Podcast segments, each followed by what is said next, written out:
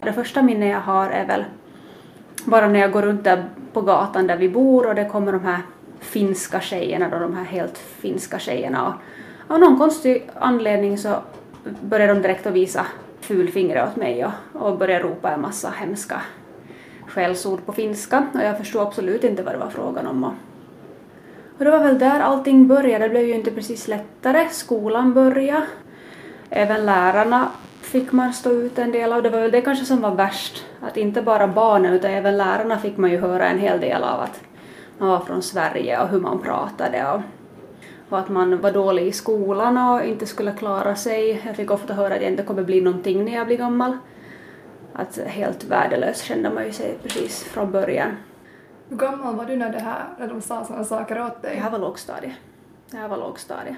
Att det här var väl kanske under tvåan, trean. Jag hade en väldigt, en lärare som, som har satt sina spår nog under hela livet liksom och hennes attityd liksom det var alltid fel på allt man gjorde och, och man dög aldrig och var aldrig tillräckligt bra. Och, och högstadiet blev ju inte bättre det heller. Då började man röra sig mer ute och man började småningom lite festa med kompisar och man rörde sig på stan och ja, ofta så var det just de här när det hade varit något happenings på stan och man var ute. Så mitt i allt kunde det komma ett gäng och, och bara liksom att ja men där är, där är hon ungefär. Så kom de och mitt i allt så var det bara så att jag låg på marken och folk sparkade och spottade och kastade och, och det stod ett helt gäng runt omkring i cirkel liksom och, och ropade och, och sådär. Och ibland kunde det bara vara att jag mötte någon enstaka av de här mobbarna liksom när jag var på väg hem. Och hon kunde bara stanna cykeln mitt i allt och börja ropa saker och skulle flyga på mig helt utan anledning ungefär. Inte om det var någonting med mig som fick alla bara bli så förbannad och skulle hoppa på liksom. Jag vet inte. Ja. Så långt gick det en gång att jag fick gå med nackskydd faktiskt. Efteråt. Susanna Mäkelä fick höra både hårda och grova kommentarer. Jävla svennehora, vi ska åka tillbaka dit du hör hemma och vem fan tror du att du är? Sådana kommentarer hörde till vardagen för henne också i skolmiljön. Jag kommer ihåg just högstadiet, för när vi skulle gå in så det började med att den här årskursen som var värst, de satt ju först.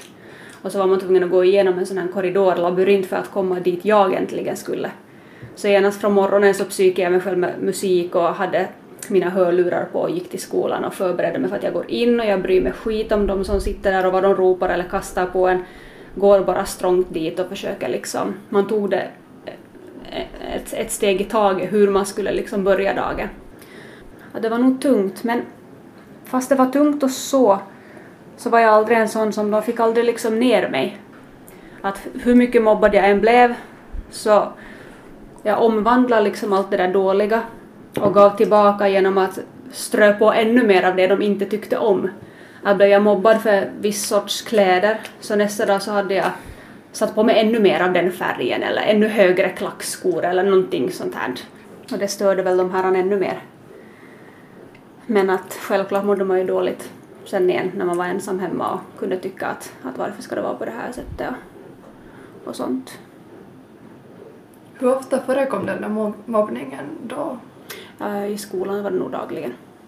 Hade du några typer av vänner alls under den här tiden eller fanns det något sorts stöd ändå Jo. också i skolan? Jo, jag hade nog så att säga mina de här närmaste.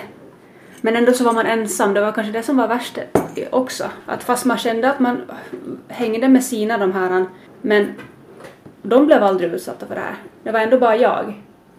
Och där mitt i alltihopa så kände jag ändå inte att jag ville prata med dem som jag hängde med.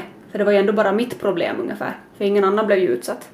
Fick du någonsin sådär bekräftat av dina då vänner eller kompisar där att du blev mobbad eller var det ingen som direkt såg det fastän det hände? Jo, alla visste ju om det. Att det var jag som var utsatt. Det, det var alltid jag som var den där. Oavsett var vi än var. Det var ju både av finska och svenska ungdomar. Att, att var vi än var så var det alltid jag som var utpekad. Men det var väl sådär att alla kände till det. Det var liksom det här Susanna-syndromet liksom. I den stan så, så var det jag som var den här utbölingen. Att det har alltid varit så ända sedan jag var fyra år och så skulle det vara. Fick du något stöd av dina vänner då eller? Stöd och stöd. Jag tror väl kanske mina vänner var mer rädda för att konfrontera hela situationen än vad jag var. Att sen om det någon gång blev liksom att vi stötte på det här gänget och, och så där så var det oftast jag som så kanske gick därifrån eller, eller så tog jag min plats och mopsade upp mig och skyddade mig själv liksom men att de tog väl aldrig riktigt stånd till det på det sättet för jag tror de var lite skraja själv för de var ändå neutrala i situationen och de ville väl behålla så kan jag tänka mig. Och det kan man ju förstå också. Om man en gång kan vara utanför en sån där situation så kanske man vill hålla sig så också. Men hur skulle du säga, du sa att också lärare kunde vara ganska elaka. Mm. Fick du något stöd alls från skolan eller? Nej. Jag har aldrig känt att jag fått något stöd av varken lärare eller, eller skolan överhuvudtaget. Att allt som har med skolan att göra har tyvärr lämnat för mig som väldigt negativt. Att så fort det bara kunde att jag kom till den att jag kunde sluta studera så då lämnade jag hela, allt vad skola hette och gick helt min egen väg när det gäller liksom utbildning. Att det är väl det som känns jättejobbigt nu att försöka stötta egna barn och försöka förklara hur viktigt det är med skolan när man vet hur jobbigt det själv var. Att jag skulle inte alls orka en dag till.